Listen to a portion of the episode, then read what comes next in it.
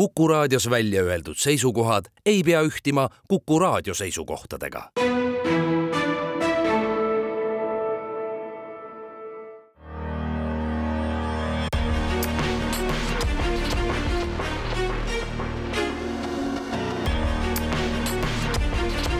välismääraja.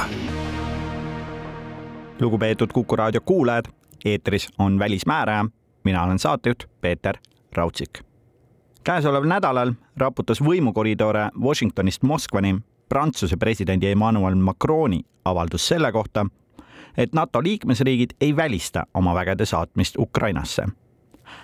Neile kommentaaridele on täna veel raske mingit sisulist hinnangut anda, aga liiga järske samme tõenäoliselt oodata küll pole. välismääre võtab fookusesse nüüd teised lahingutandrid, mis küll samuti Ukrainaga ühel või teisel moel seotud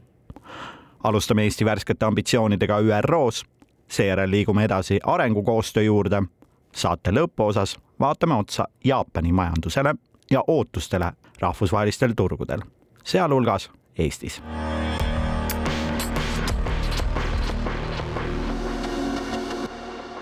sel nädalal osales välisminister Margus Tsahkna Genfis viiekümne viiendal kõrgetasemelisel ÜRO Inimõiguste Nõukogu istungil ühtlasi tegi ta seal teatavaks Eesti kandidatuuri Inimõiguste Nõukogu liikmeks, äh, kuhu kuuluvad üle neljakümne riigi äh, üle kogu maailma. sellest, mis Genfis äh, toimus, millised on meeleolud riikide vahel seoses Ukraina ja teiste konfliktidega, nüüd räägimegi, mul on hea meel stuudios tervitada Välisministeeriumi globaalküsimuste asekantslerit Minna-Liina Lindu, tere tere! ja lähemegi siit kohe siis selle värske visiidi äh, tausta juurde. kandidatuur. Eesti siis soovib äh, nüüd, olles olnud juba ÜRO Julgeolekunõukogus ühel hetkel, ka Inimõiguste Nõukogu liikmeks saada. mis selle kandidatuuri taga on ja millised siis meie šansid tegelikult on? Ja aitäh, Peeter, väga tore on siin taas olla, et globaalteemadel rääkida. Ja tõepoolest, Eesti kandideerib teist korda nüüd Inimõiguste Nõukokku. esimest korda olime me liikmed, seega läbisime edukalt siis oma kampaania aastatel kaks tuhat kolmteist kuni kaks tuhat viisteist ja nüüd äh, olles just seda teinud, mida sa mainisid, äh, olles olnud Julgeolekunõukogu liige paar aastat tagasi, näeme me, et Eestil on tegelikult väga palju maailmal, maailmale pakkuda. Äh, sissejuhatavalt veel, et me hetkel juhime meediavabaduse koalitsiooni maailmas, kus on viiskümmend neli liikmesriiki koos Saksamaaga ja järgmisel aastal saab meist internetivabaduse koalitsiooni eesistuja. ehk siis me oleme võtnud selliseid suuri rahvusvahelisi rolle endale viimastel aastatel palju inimõiguste teemad on praegu maailmas väga keerulises seisus. ma arvan, et selleks ei pea äh, isegi uuesti uudiseid avama, et näha, kui palju on konflikte, kui palju on probleeme, kui palju on demokraatia äh, tagasilangemist.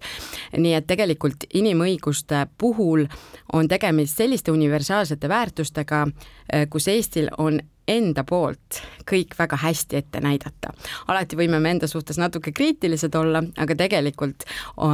teame me, et me kuulume sellistesse top listidesse erinevatel inimõigusteemadel me panime mõned aastad tagasi siis selle kandidatuuri üles ja sellise ÜRO äh, jaotuse järgi on siis Ida-Euroopale, kuhu Eesti kuulub Ida-Euroopa grupile kaks kohta ette nähtud. hetkel on siis äh, sinna kandideerimas Sloveenia ja Eesti kahele Ida-Euroopa grupile ette nähtud kohale aga me ei saa välistada, et sinna võib tekkida kandidaate juurde. ja kindlasti ei pea me ka kaua mõtlema selle peale, et võib olla tegemist äh, Venemaaga, võib olla tegemist mõne teise riigiga, kes sinna veel juurde tuleb meie eesmärk oligi nüüd äh, seoses välisministri visiidiga Genfi äh, teadvustada kõigile, et me võtame seda kandidatuuri väga tõsiselt, minister pidas siis kõne äh, Genfis kõigile liikmesriikidele, kus mainiski täpselt ära kõik need teemad, mida me seal tegema hakkame, kui me liikmeks peaksime saama. Ja loomulikult teeme siis me kõik selleks, et kahe tuhande kahekümne viienda aasta oktoobris, kui valimised New Yorgis toimuvad, oleks meil piisav toetus selleks, ehk siis miinimum on vaja üheksakümmend seitse häält, et valituks saada, aga tegelikkuses, kui see peaks olema rohkemate kandidaatiga kui kaks kahele, on neid hääli kõvasti rohkem vaja. Et Venemaa vastuseisu võib ju tõepoolest oodata, sest et Venemaa ise varasemalt on olnud äh, Inimõiguste Nõukogu liige ja siis ühel hetkel ka sealt pidanud lahkuma äh, teiste survel. et kuidas see dünaamika praegu Venemaa jaoks üldse on ja milline nende roll Inimõiguste Nõukogu suunas äh, ja sees on olnud? jaa äh,, täpselt nagu sa mainisid, siis kui äh, algas suur sõda, siis äh, vahetult pärast seda õnnestus Peaassambleel, siis ÜRO Peaassambleel New Yorgis võtta vastu selline otsus, et peatati Venemaa liikmesus Inimõiguste Nõukogus, mille liige ta sellel hetkel oli. ja Eesti mängis tegelikult äh, eriliselt suurt rolli selles, et me selle otsuseni jõudsime see võeti vastu vähemate poolthäältega, kui on seni võetud vastu äh, resolutsioonid Peaassambleel Ukraina toetuseks. ehk siis selline konkreetne vastuseis Venemaale võttis juba vähem riike selle poolt hääletama. ja Venemaa on püüdnud juba sinna Inimõiguste Nõukokku ka tagasi tulla. Äh, oktoobris kaks tuhat kakskümmend kolm olid taas kord valimised, kus siis kandideerisid Ida-Euroopale ette nähtud kolmele, äh, kahele kohale kolm kandidaati, Bulgaaria, Albaania ja Venemaa ja kuna tegemist on salajaste hääletustega, siis me tegelikult ei tea täpselt, kes ju kuidas hääletas, aga Venemaa sai kaheksakümmend kolm häält, kaheksakümmend kolm häält saja üheksakümne kolmest äh, liikmesriigi häälest, mis on tegelikult väga suur number. Õnneks said siiski valitud Bulgaaria ja Albaania sel korral. aga siis võib ju karta tõepoolest, et äh, see väljakutse äh, tuleb ka järgmistel valimistel, kus siis tegelikult üks kandidaat on Eesti. aga eks see on siis näha. Ehm, räägiks natukene ÜRO-st laiemalt, et kuidas ja kas ehm, on räägitud sellest, et ÜRO-d tegelikult peaks üldse äh, reformima ja millised need võimalused selleks äh, praegu on jaa, käisin just hiljuti ka New Yorgis ja oli mul väga mitmeid kohtumisi nii ÜRO sekretäriaadis kui erinevate liikmesriikidega. et just tunnetada seda olukorda, mis Eesti jaoks on väga oluline, kui me nüüd kandideerime sinna Inimõiguste Nõukokku, kui me oleme võtnud endale väga palju rahvusvahelisi rolle ja loomulikult meie eesmärgiks on, et reeglitepõhine maailmakord, et ÜRO harta, see kõik kehtiks, see on meie eesmärk. ja kindlasti on meie eesmärk, et ÜRO relevantsus ei väheneks mitte kellegi jaoks, sest me oleme näinud ka, et loomulikult paljud riigid arutavad tähtsaid küsimusi mõnes muus formaadis, mis on iseenesest äh, ka kindlasti aktsepteeritav, kas see on G7 või G20, kes teevad väga palju olulisi otsuseid loomulikult, Euroopa Liit ja nii edasi, aga meie jaoks on ikkagi globaalne organisatsioon ÜRO ja me soovime, et kõik riigid seal äh, võtaksid ka seisukoha selleks, selles osas, et hetkel julgeolekunõukogu alaline liige, kellel on vetoõigus, tema ongi agressor see ongi meie jaoks tegelikult praegu äh, sellel hetkel ÜRO-s kõige põletavam küsimus sest sellises vormingus varem sellist probleemi ei ole seal esinenud. loomulikult võib laiemalt rääkida vetoõigusest ja selle kasutamisest, mida mõned, mõned alalised liikmed ei ole teinud juba paarkümmend äh, või isegi rohkem aastaid. Äh, ja mõned on. aga Venemaa puhul just endaks agressoriks olek äh, tekitab kõige suurema probleemi. Eesti on võtnud ka vastu president Zelenski pakkumise juhtida rahuvalemi Ukraina rahuvalemi viiendat töögruppi, mille alapealkiri on siis ÜRO harta, reeglitepõhine maailmakord, territoriaalne terviklikkus ja me juhime seda koos Guatemalaga. ja nüüd me just hakkamegi kokku panema seda tegevuskava, et kuidas me siis ÜRO-s nende teemadega tegelema. seetõttu on väga oluline aru saada, et kas on hetkel üldse mingit võimalust äh, reformida, kas siis Julgeolekunõukogu või mingisuguseid äh, teisi muudatusi ellu viia. selleks on praegu väga hea hetk, kuna sügisel, siis septembris võetakse kõrgetasemelisel nädalal vastu tulevikupakt ja toimub selline tuleviku tippkohtumine. selleks ongi väga palju praegu ÜRO-s protsesse käimas, et seda sisustada. seal on nii digiküsimused, äh, erinevad äh, kestliku arengu küsimused, aga ka Julgeolekunõukogu reformiga seonduv osa. ja Eesti on hiljuti võtnud ka vastu sellise globaalagenda, mille nimeks on Fit for Freedom, mida me soovime siis maailmale tutvustada, näidata seda, et millised vabadused, mis Eestis kehtivad ja kus meil on kõik asjad väga hästi, on tegelikult tulnud meile riigina väga palju kasuks. nii et me püüamegi nüüd neid kahte teemat, seda Ukraina rahuvalemi töögrupi juhtimist ja seda Fit for Freedom agendat, agendat laiemalt, mis ei ole siis ainult Ukraina suunas, vaid kõigi konfliktikollete suunas ja kõigi väikeriikide, pigem väikeriikide suunas, kellel on olnud mitmeid selliseid hetki, et, et neil ei olegi kellegi poole pöörduda. ja sellepärast me näeme, et Peaassambleel, ÜRO Peaassambleel peaks olema palju suurem Äh, sõnaõigus ja palju äh, rohkem võimalik sellistel juhtudel oma häält äh, selgelt väljendada, kui Julgeolekunõukogu on paralüseeritud tegutsemisvõimetu. ja me näeme, et tegelikult kuigi paljud riigid jätkuvalt on kinni oma vanades seisukohtades ja loomulikult me mõistame, et tuhande üheksasaja neljakümne viienda aasta ÜRO ja selle Julgeolekunõukogu ei peegelda praegust maailma olukorda ja Aafrika riigid ei ole näiteks alaliste liikmetega seal üldse esindatud. selle vastu me, meil on täielik empaatia ja kindlasti ei ole ka seal piisavalt esindatud väikeriigid ähm,, äh, Ladina-Ameerika riigid aga meie jaoks on hetkel põhiküsimus, et kuidas saab ÜRO öelda, et ta tegeleb erinevate konfliktide kas siis ärahoidmise või lahendamisega, kui tegelikult probleemi tekitaja üritab olla osa lahendusest, olles Julgeolekunõukogu alaline liige. Siin loomulikult tekib küsimus, et äh, nende ambitsioonide realiseerimisel, ähm, et see pinge siis lääne ja globaalse lõuna vahel ikkagi on äh, sügise järgselt pärast seda, kui algas sõda Hamasi ja Iisraeli vahel, kasvanud. Ja seda on täheldatud erinevates formaatides, alles möödunud nädalal oli ka siin samas saates juttu sellest, kuidas WTO, Maailma Kaubandusorganisatsiooni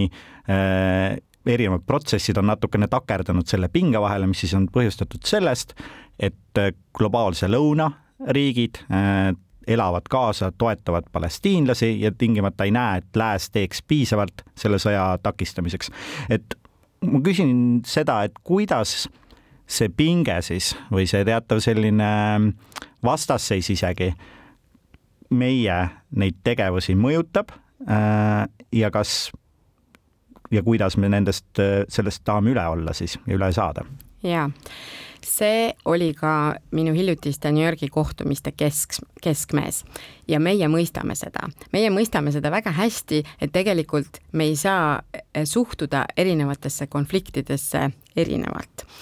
Eh, muidu me tõesti kaotame ka enda relevantsust sellest rääkides. Loomulikult, mis on Eesti puhul selge, on see, et me teame kõige rohkem sellest, mis toimub hetkel Ukrainas. meil on see teadmine, kuna me ise tuleme siit, kust me tuleme aga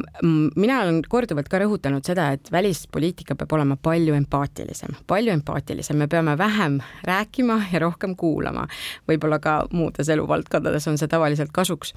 ja ma arvan, et ÜRO ongi see koht, et meil on loomulikult keskmes Euroopa Liit, NATO, see on meie jaoks see, mis meil siin on, see on, see on kõige tähtsam. aga sealt edasi on palju erinevaid probleeme, mis lõpuks tõenäoliselt jõuavad ka nii Euroopa Liidu, NATO kui Eesti lauale sellega, kui me nendega õigel hetkel ei tegele. ja seda on ka näha olnud, et ja kuulda ka sealt New Yorgi kohtumistelt, et pärast oktoobrit on see vastasseis või see selline väga-väga äh, äh, tundeline keskkond äh, üha, üha süvenenud ja Peaassambleel on näha, et kõik äh, küsimused, mida seal arutatakse, tegelikult jõuavad sellesse Hamasi, äh, Iisraeli või Gazas olevasse konflikti äh, selle keskmesse. ja kuna loomulikult on, on väga palju riike, kes on siis Araabia riigid või ka seonduvalt äh, äh lähedased riigid seal, siis nende hääl kõlab seal kõrgelt kaugelt. ja meie kindlasti Eestina ei suuda seal lahendusi pakkuda, kui oleks lahendusi, siis keegi oleks need juba pakkunud, mis töötaksid. loomulikult me loodame, et me jõuame selleni, aga meie lihtsalt üritame rääkida seda, et äh, meie oleme olnud sellises olukorras, kus meid on ka üksi jäetud. ja me tahame seda kõigile näidata, et tegelikult seal ÜRO-s me saame kõik saavad oma probleeme esile tuua ja tegelikult, kui Peaassambleel mille, mille osas on ka Eesti oma hääletuskäitumist näiteks Gaza osas on muutnud, see on olnud empaatilisem, äh, siis tegelikult on see see koht, kus saab kõiki probleeme, isegi kui neid lahendusi kohe käegakatsutavalt ei ole, neid saab sinna tuua ja kõigil on see võimalus. et see Julgeolekunõukogu piiratus ei peaks muutma ÜRO Peaassambleed Äh, mõnes mõttes vähem tähtsaks. Ja Peaassamblee vaieldamatult on koht, kus äh, kõik räägivad kõigiga, et see printsiip on seal olnud ja tegelikult siis äh, jah, ma mäletan väga mitmeid selliseid võib-olla Eesti diplomaatias mitte päris tavalisi vestlusi erinevate riikidega ja tegelikult sealt sa õpid seda ja seda õpetas kindlasti meile ka Julgeolekunõukogu liikmesus, et ega need erinevad konfliktid on ju ka väga mitmekihilised ja selleks, et sellesse päriselt sisse minna, tuleb seda väga hästi tunda. seda on ka loomulikult näha Julgeolekunõukogus erinevatest sõnavõttudest, kes on rohkem ühe probleemi probleemiga kursis ja kes teisega, eks selles mõttes ongi see mitmekesisus seal selle võlu, aga eh, seesama viies töögrupp, mida me koos Guatemalaga juhime Ukraina rahuvalemi raames, see on üks asi, mida kõik ÜRO liikmesriigid seni on rõhutanud ja millega kõik nõus on, et mm. ÜRO põhikiri kehtib kõigile, ka Venemaale. Aitäh nende kommentaaride eest, mina Liina Lind, Välisministeeriumi globaalküsimuste asekantsler. suur tänu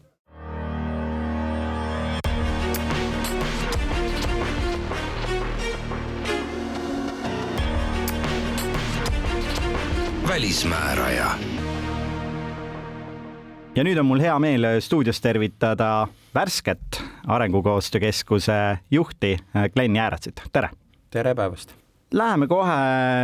arengukoostöö kui sellise välispoliitilise tööriista juurde, enne kui me räägime natukene keskusest endast ja nendest äh, konkreetsetest projektidest. et millist rolli arengukoostöö siis Eesti välispoliitikas mängib? Arengukoostöö laiemalt on kindlasti palju laiem kui ka Eesti välispoliitika, et mitte ainult äh, Eesti Välisministeeriumi äh, käepikendus võib-olla siis, kui meie,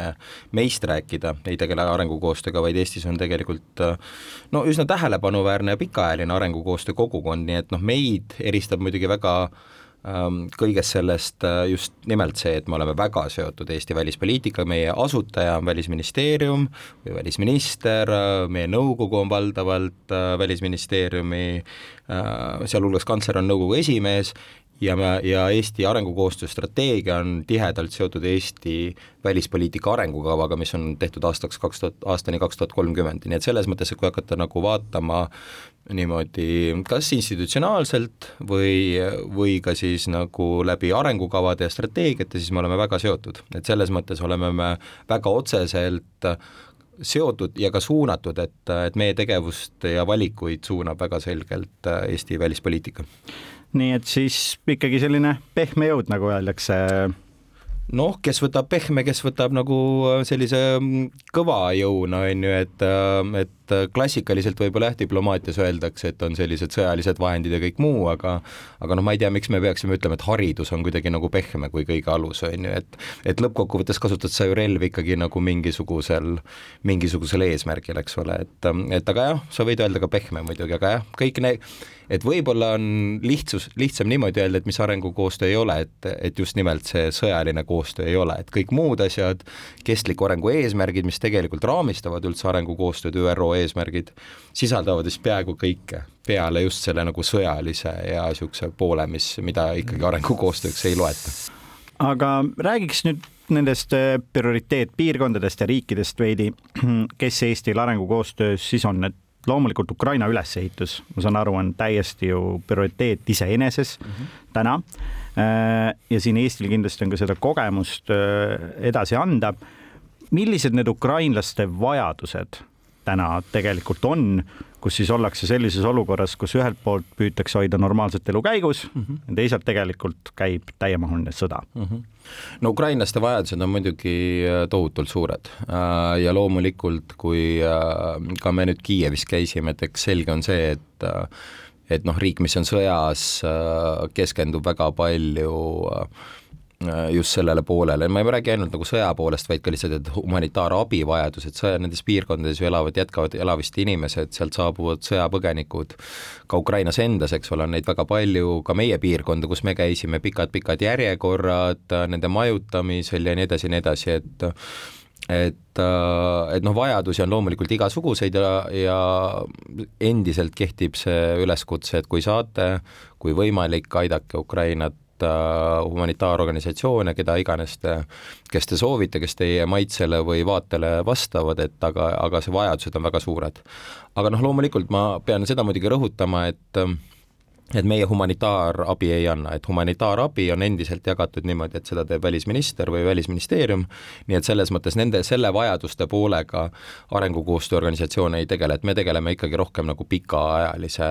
vaatega, rohkem selliste struktuursete muudatustega, reformidega ja siis ka ehitamisega, et loomulikult me ju teame, et kes ikka tahab niisama õpetust saada, kui sa tegelikult ei, ei saa aidata, nii et, et ikkagi nagu ehitamine, selle toetamine koos, koos õpetamise ja ko kogemuse jagamisega käib,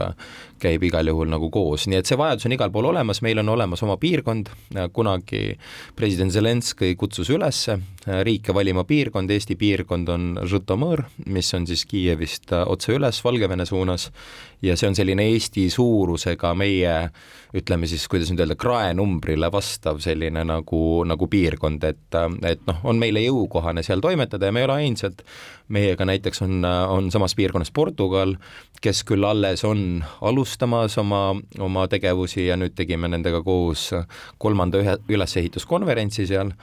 aga, aga noh, igal pool on neid partnereid nagu veel ja mõned on aktiivsemad, mõned veel ei ole, mõned alles alustavad ja on ka neid muidugi, kes ootavad nagu sõja lõppu ja ja seal päris e ja noh, selles mõttes, et aga kõik tegutsevad, lihtsalt osad tegutsevad täna vägagi sellisel humanitaartoetuse nagu liinil, et anda just sinna eesliini piirkondadesse sellist nagu tuge, et hoida seda elu seal. aga siit käis ka enne läbi, et äh, kui me räägime äh, arengukoostöö, ütleme sellistest uutest tuultest, siis Eesti on sellesse toonud äh, ettevõtjate aktiivse kaasamise mm. -hmm kuidas see Ukrainas välja mängib ja kas siis Eesti ettevõtted näevad selles ka võimalust tegelikult kuidagi Ukrainasse turule siseneda, seal hakata tegutsema? et meil on hea näide kohe Varnast võtta, et Estev oma, oma värske toimetamisega pälvis Eesti Puitmajade Liidu aasta sõbra äh, tunnustuse, nii et, et see on loomulikult ühest küljest äh, tunnustus ka Harmetile, kes aitas teha lasteaeda Ovrutšis, et seal on siis olemas Eesti lasteaed, kuhu lisaks muidugi ka nagu Kohila lasteaed näiteks aitas kogu, kogu partnerlusega, meil oli Flandria, Islandiga veel koostööd seal, aga noh, lõppkokkuvõttes me viisime täitsa sinna sellise Eesti mudeli ja esitasi, ehitasime, ma arvan, et Eesti esimese pommivarjendi üldse nagu lasteaia alla. Nii et äh, ja, ja tegelikult nüüd jätkasime, meil olid näiteks ettevõtjad kaasas, kui me käisime Ukrainas, et siis järgmisi juba objekte kaardistada, vaadata, ettevõtjad saaksid ka seal koostööd otsida nagu kohalike ettevõtetega, sellepärast et noh, lõppkokkuvõttes loomulikult meie eesmärk ei ole mitte sinna nagu ainult, eks ole, Eesti ettevõtluskogemust viia, aga ka seda, et Ukraina ise noh, euroopastub, et me alati hoiame seda nagu silmapiiril, et nende võimekus tegelikult lõppkokkuvõttes kasvaks et nad teaksid, mis see selline Euroopa parim praegusel hetkel on, sellepärast et nad on ise ju otsustanud Euroopa Liidu suunas äh, liikuma hakata ja et alati oleks ka nagu tegelikult see selline õpetamise ja toe komponent olemas, et mitte ei tee, tee lihtsalt füüsilist karpi või objekti, vaid et oleks alati ka selline, nii et noh, me oleme seal sellise loonud niisuguse sillapea või kuidas öelda, mida siis kõik kohalikud seal vaatamas käivad ja kõik õppimas käivad, et kuidas töötab tänapäevane nagu äh, lasteaiaharidus veel ühe näitena, et minu meelest selles lasteaias täna töötab ka siis selline lasteaia pidamise Eesti haridustarkvara, mida seal siis kasutatakse näiteks lasteaia, lasteaia pidamiseks ja noh, ma ütlen, et nii nagu varem, et et kohati tundus natukene, et nagu see on Eesti, aga see Eesti, mis, mida sa teadsid kakskümmend aastat tagasi. et nagu noh, kõik tuleb tuttav ette ja meie kogemus tegelikult on relevantne ja sellest oldakse ka väga huvitatud ja noh, minu meelest väga selline eriti teravalt kuidagi tuli see nagu välja siis, kui me läksime kutseõppeasutustesse kutseharidusreformi teemadesse nagu vaatama. et siis seal on endiselt selline suhtumine, et et see on siis nagu selles nii-öelda hariduslikus toitumisahelas kõige alumine redelipulk, keegi nendeni kunagi ei jõua, sellepärast et äh, keegi ei tunne huvi, sest arvatakse, et sinna lähevad siis võib-olla kõige rumalamad ja nii edasi, et noh, et siis me oleme tegelikult kohalikku sellist haridus, kutseharidussüsteemi võimestanud seal näiteks koha peal, et et Neid dogmasid siin viisteist aastat tagasi ju väga no, hoogsalt äh, murti. täpselt, nii et ühesõnaga meil on seal jah, alati on selline nagu komponent, me üritame Eesti ettevõtteid, Eesti kogemust äh, viia ka, mitte lihtsalt kanda siis Eesti, Eesti inimeste vahendeid kuskile mingisse rahvusvahelise fondi, kes siis koha peal äh, millegagi tegeleb. Ja, ja alati üritame ka juurde tuua, et, äh, et nagu ma mainisin, näiteks lasteaia puhul oli nii Flandria kui Island, peremajade puhul me teeme koostööd Olena Zelenska fondiga, aga meil on juba tegelikult huvilisi, kes aitavad seda nagu suurendada, et me ja, ja me tahame olla julged, sellepärast et, äh, et väga paljud ei julge minna veel. Mm.. et me tahame olla need, kes nagu näitavad, et noh, nii nagu me ka minu eelmises töös, eks ole, näitasime, üritasime näidata seda, et kui keegi ütleb ei ole võimalik, siis meie lähme näitame, et on võimalik küll. et, et me üritame sedasama teha, et julgustada teisi ka järgnema, sest ikkagi Eesti vahendid ja võimalused on pisikesed ja kogu Ukraina on ikkagi nagu meeletult, meeletult mm. suur. aga kui me vaatame nüüd Ukrainast eemale, siis äh, nii Eesti välispoliitika jaoks, aga ka siis sellest tulenevalt äh, Arengukoostöö Keskuse jaoks äh, teine riik äh, selles meie piirkonnas siin on tegelikult Valgevene ju, mis vajab eraldi tähelepanu ja on saanud ka eraldi tähelepanu. ja võiks öelda isegi, et enne Ukraina seda täiemahulist sõda oli ju Valgevene täiesti teema number üks. kuidas nüüd on Valgevenes projektide tegemisega olukorras, kus tegelikult ollakse Venemaast kasvavas sõltuvuses ja pigem nagu sulguda, sulgutakse iseendasse no eks me valime muidugi oma, oma tegevusi ka, et nagu öeldud, me oleme ikkagi endiselt Eesti välispoliitika käepikendus ja täna me ikkagi Valgevenes ei toimeta. Mm.. et see, mida me siin viimasel ajal teinud oleme, on, oleme toetanud äh, eksiilis olevat äh, Valgevene ajakirjandust äh, ja ajakirjanikke, kes on olnud, et, et nende võimekust hoida, aga täna me Valgevenes kohapeal ei ole, kohapeal asju ei tee ja Valgevene suunas äh, seda tüüpi nagu voore ka ei tee, nii et me nagu sinna ikkagi oma nina täna ei pista, küll aga näiteks äh, oleme me taas avanud äh, või taas avastamas Armeeniat, kes on siis nüüd nagu sellises geopoliitilises nagu vastasseisus taas leidnud ja leidmas oma oma, oma kohta ja otsimas suhteid äh, ka lääneriikidega, nii et meil on varsti jälle plaanis minna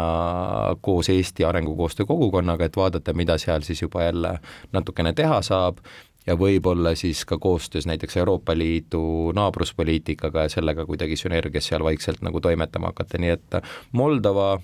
Gruusia, Georgia, Armeenia ja Ukraina, et Valgevenes jah, me oleme pigem nagu aidanud eksiilis olevat äh, eksiilis olevaid inimesi, kui et Valgevenes midagi äh, nüüd toimetame. arusaadav, aga eks sellel ka ole mõju, sest et äh, see eksiilis olev äh, kogukond ühel või teisel hetkel lõpuks ju hakkab ka oma mõju kodumaale avaldama. aga vaatame korra veel, veel kaugemale siis, et liigume päris sinna, kus tavakuulaja võib-olla ei arvagi, et Eesti arengukoostöö projektid toimuvad ja võib-olla teadvusta neid põhjuseid, et miks siis tingimata on seda vaja teha. et Eestil on partnerlus ka erinevate Aafrika riikidega ja mis selle taga on ja kuidas see siis ikkagi meie jaoks, mm, miks see peaks olema nii oluline? no ütleme juba ainuüksi, kui sa mm, eurooplane oled, siis sa vaatad nagu, kus kohas sa maailmas asud ja ma arvan, et iga, meile võib-olla ei tule siin kauges äh, Euroopa kirdenurgasse nii, äh, nii loomulikult, aga, aga ikkagi ma usun, et enamus äh, eurooplastest tajub nagu seda kõige suurema Euroopa vastutusena, on ju, et kui, äh, kui teised kontinendid on natukene kaugemal meist ja aga Aafrika teemad ja probleemid avaldavad Euroopale vahetut mõju,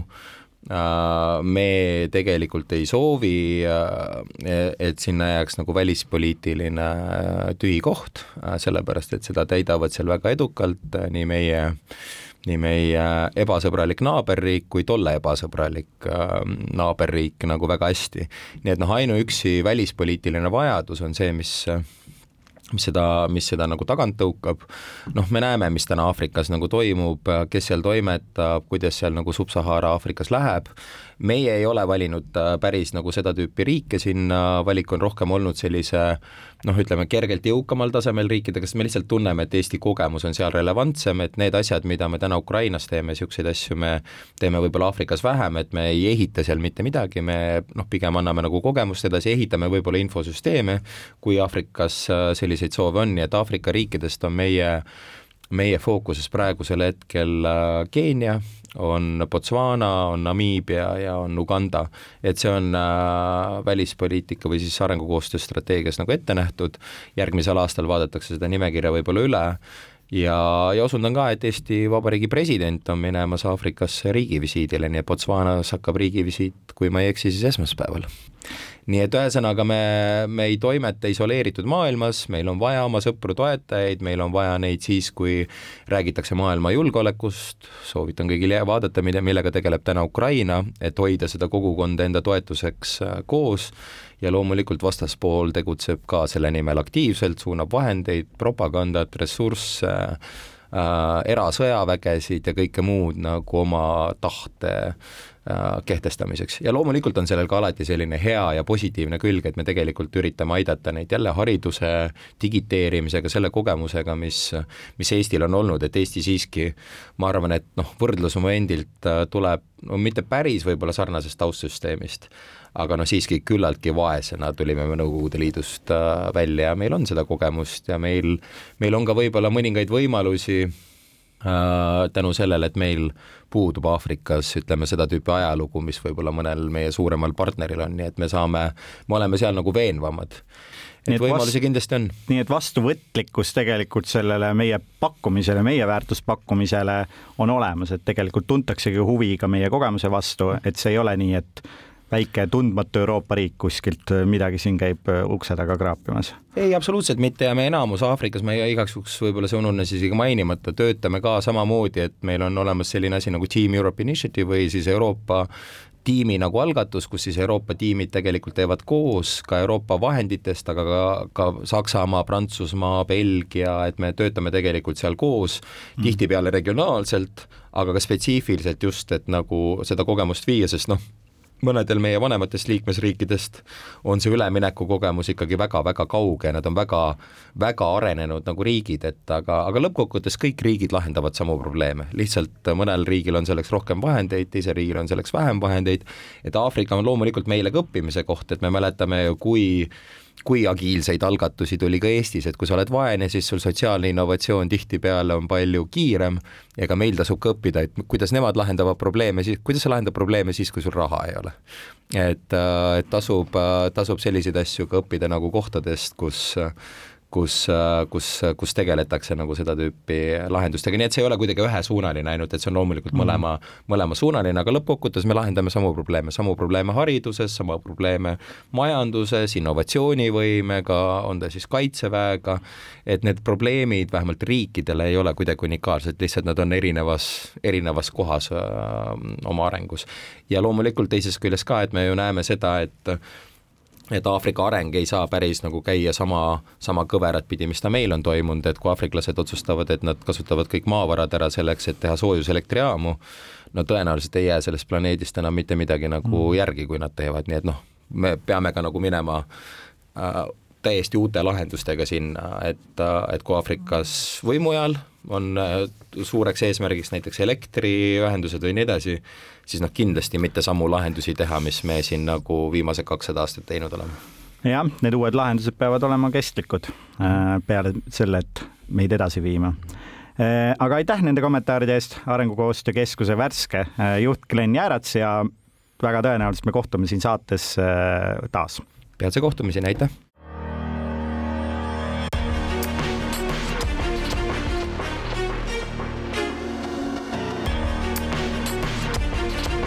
Välismääraja. nüüd liigub välismääraja edasi Jaapanisse. tegin nädala keskel telefonikõne meie Tokyo saatkonna äri- ja investeeringute nõuniku Oliver Aidaga. meie vestlus algas Tokyo börsil sel nädalal sündinud uutest rekorditest. viimati oli Nikkei aktsiaindeks nii kõrge kolmkümmend viis aastat tagasi, külma sõja lõpupäevil. küsisingi Oliverilt kõigepealt selle kiire kasvu põhjuste kohta hoolimata sellest, et äh, tippe tehakse, et siis tegelikult äh, peab, peab rääkima, et siiski reaal skp kasv on üsnagi triviaalsel tasemel, et kusagil üks protsent ja, ja alla selle ning samal ajal ka näiteks reaalpalk tegelikult on, on langenud Äh, väga noh, viimasel ajal ja tegelikult üle paarikümne aasta lõikes ka ei ole see pilt äh, sugugi ilus olnud. Aga nüüd äh, selle tausta peale ilmselt tekib küsimus, aga miks siis, miks siis jah, tippe tehakse. et siin on mitu, mitu põhjust, et üks on see, et tegelikult Jaapani ettevõtetel, just nimelt nendel ettevõtetel, mis indeksis on sees, kui me räägime Nikke kahesaja kahekümne viie indeksist, et äh, nendel ettevõtetel tegelikult läheb äh, selles mõttes hästi, et äh, kasumid kasvavad. Et ühest küljest jeen on nõrk, eksport tegelikult ei ole väga halb olnud. Ja kui ma enne tõin välja selle, et samas töötajate palgakasv on olnud nõrk, nõrk üsnagi, siis ettevõtetel see kasumimarginaal on, on olnud päris, päris hea. Ja teiseks väga oluliseks punktiks on see, et äh, ettevõtted on äh, ostnud äh, tagasi oma aktsiaid aktiivselt, et kaks tuhat kakskümmend kolm ehk siis eelmine aasta oli aasta, kus rekordarv ettevõtteid rekordsummaga ostis tagasi iseenda aktsiaid, et näiteks Honda ostis tagasi kusagil neli-viis protsenti oma aktsiatest ja kaks tuhat kakskümmend neli ehk siis käesolev aasta tõenäoliselt tuleb ka aasta, kus palju tagasi ostetakse, et äh, need on sellised pikaajalised tagasiostuplaanid, mis on ka varem paika pandud ja need on kindlasti pakkunud äh, toetust ja tuua siin veel kolmas ja neljas punkt ka otsa, et äh, Jaapan praegu, vaadates geopoliitilist ja sellist ka globaalset majanduslikku olukorda, tegelikult paistab üsnagi turvaline keskkond äh, nii majanduse mõttes kui ka siis jah, just nimelt globaalse geopoliitika vaatenurgast. ja kõik need kolm sellist põhilist äh, punkti on äh, tegelikult andnud põhjust ka spekulantidele tõenäoliselt turule siseneda ja, ja üritada juba käimasolevast tõusust veel, veel viimast võtta. ja noh, see ei ole märkamatuks jäänud ka sellistele staarinvestoritele, et näiteks Warren Buffett, mm, kes on ostnud kusagil paari kuni viie protsendi ulatuses Jaapani suurimate ettevõtete aktsiaid, on just öelnud, et, et kui, kui ettevõtted ise ostavad oma aktsiaid tagasi, et siis, siis see on hea märk ja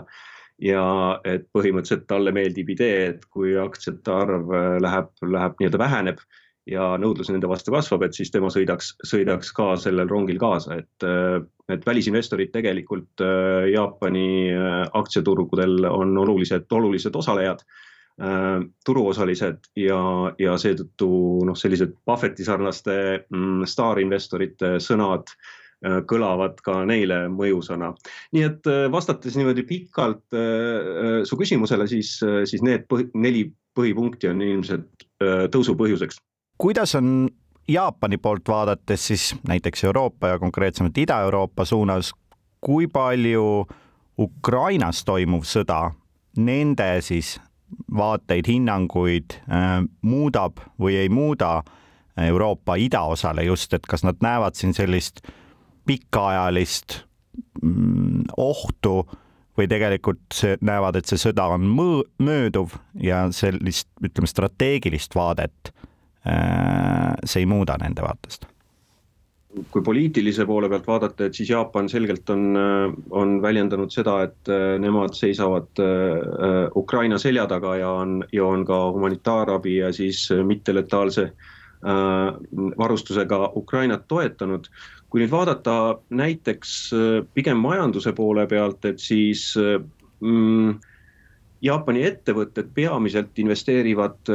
kui suurettevõtteid vaadata, et siis nende peamised investeeringud lähevad lähiturgudele, et, et, et Aasiasse ja, ja teatud määral loomulikult Ukrainas äh, toimuv on mõjutanud nende investeerimisotsuseid äh, ka Euroopasse.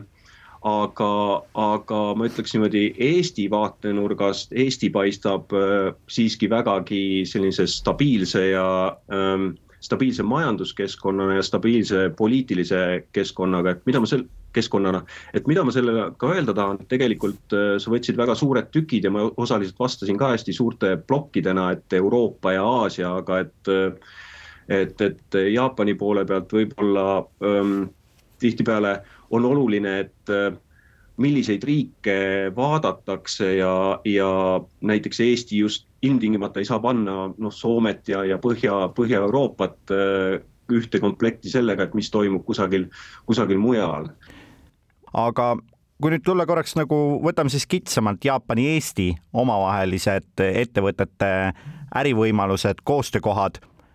mis need siin konkreetsemad edulood või sellised võimalused on, veel kasutamata võimalused?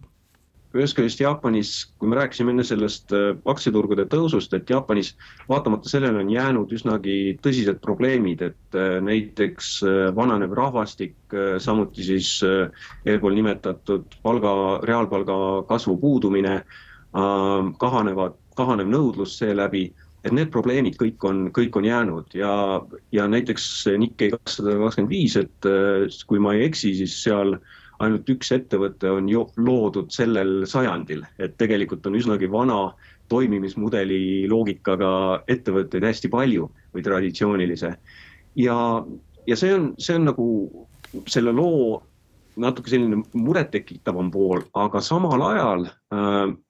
see kõik tekitab ka võimalusi. et äh, põhimõtteliselt peab Jaapan äh, ja on suutnud majanduskasvu genereerida või tekitada innovatsiooni kaudu ja siis lahendades neid probleeme, mis, mis, mis eelnevatel põhjustel on tekkimas, et vananev rahvastik äh, tegelikult äh, ärgitab Jaapanit äh, innovatsiooni läbi viima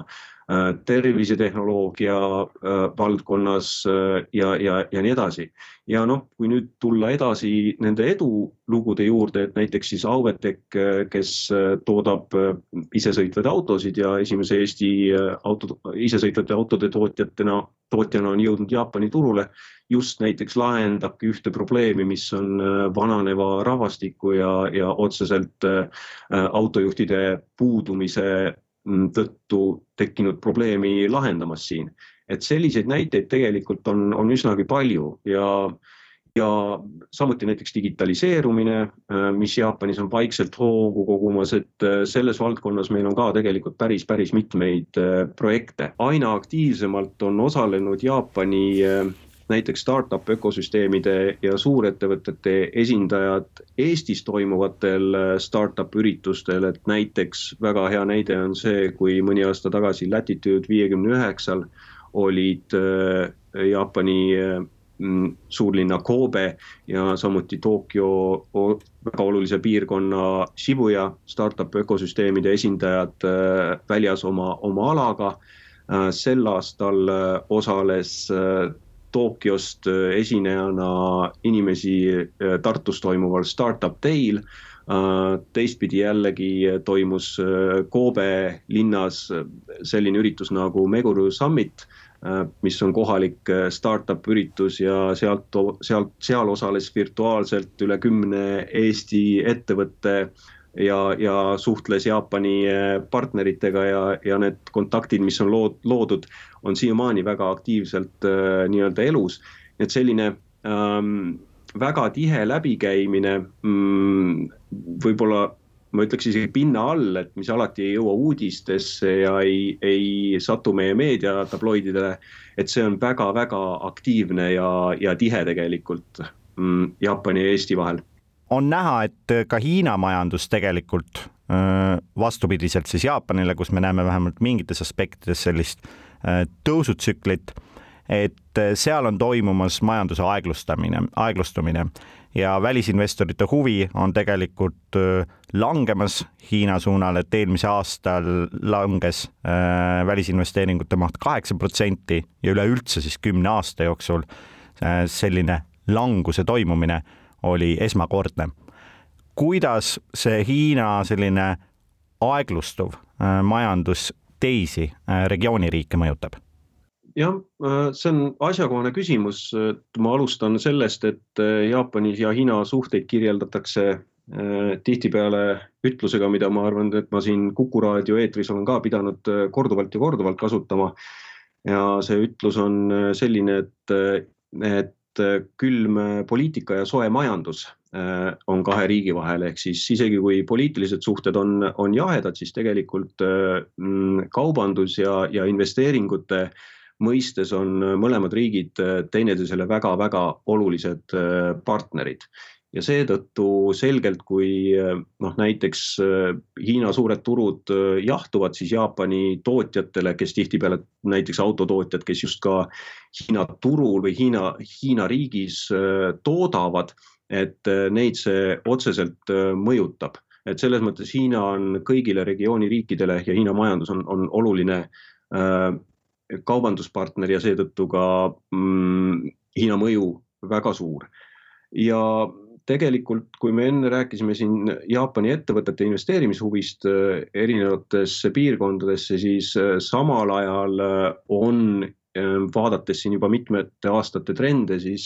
mõnes mõttes Jaapani ettevõtted hakanud ka hajutama oma investeeringuid, et selle ühe riigi ja siis ka poliitilist riski mõnevõrra vähendada ja hakanud suurendama investeeringuid. see on tõsi küll, pikemaajalisem trend juba näiteks Lõuna-Aasiasse, Kagu-Aasiasse, aga viimasel ajal on esile kerkinud just äh, India hästi tugevalt äh, sellise partnerturuna ja, ja ja India on Jaapani suurettevõtete silmis aina, aina potentsiaalikam. et see jahtumisel, sellel jahtumisel ja samuti ka siis poliitilisel äh, sellisel äh, muutustel, neil on väga otsene mõju äh, ja pikaajaline mõju Jaapani ettevõtete käitumisele see oli Oliver Ait, Eesti saatkonna Tokyos äri- ja investeeringute nõunik. sellega Välismäärajaga lõpetab, mina olin saatejuht Peeter Raudsik. järgmine saade on eetris juba uuel pühapäeval kell üksteist.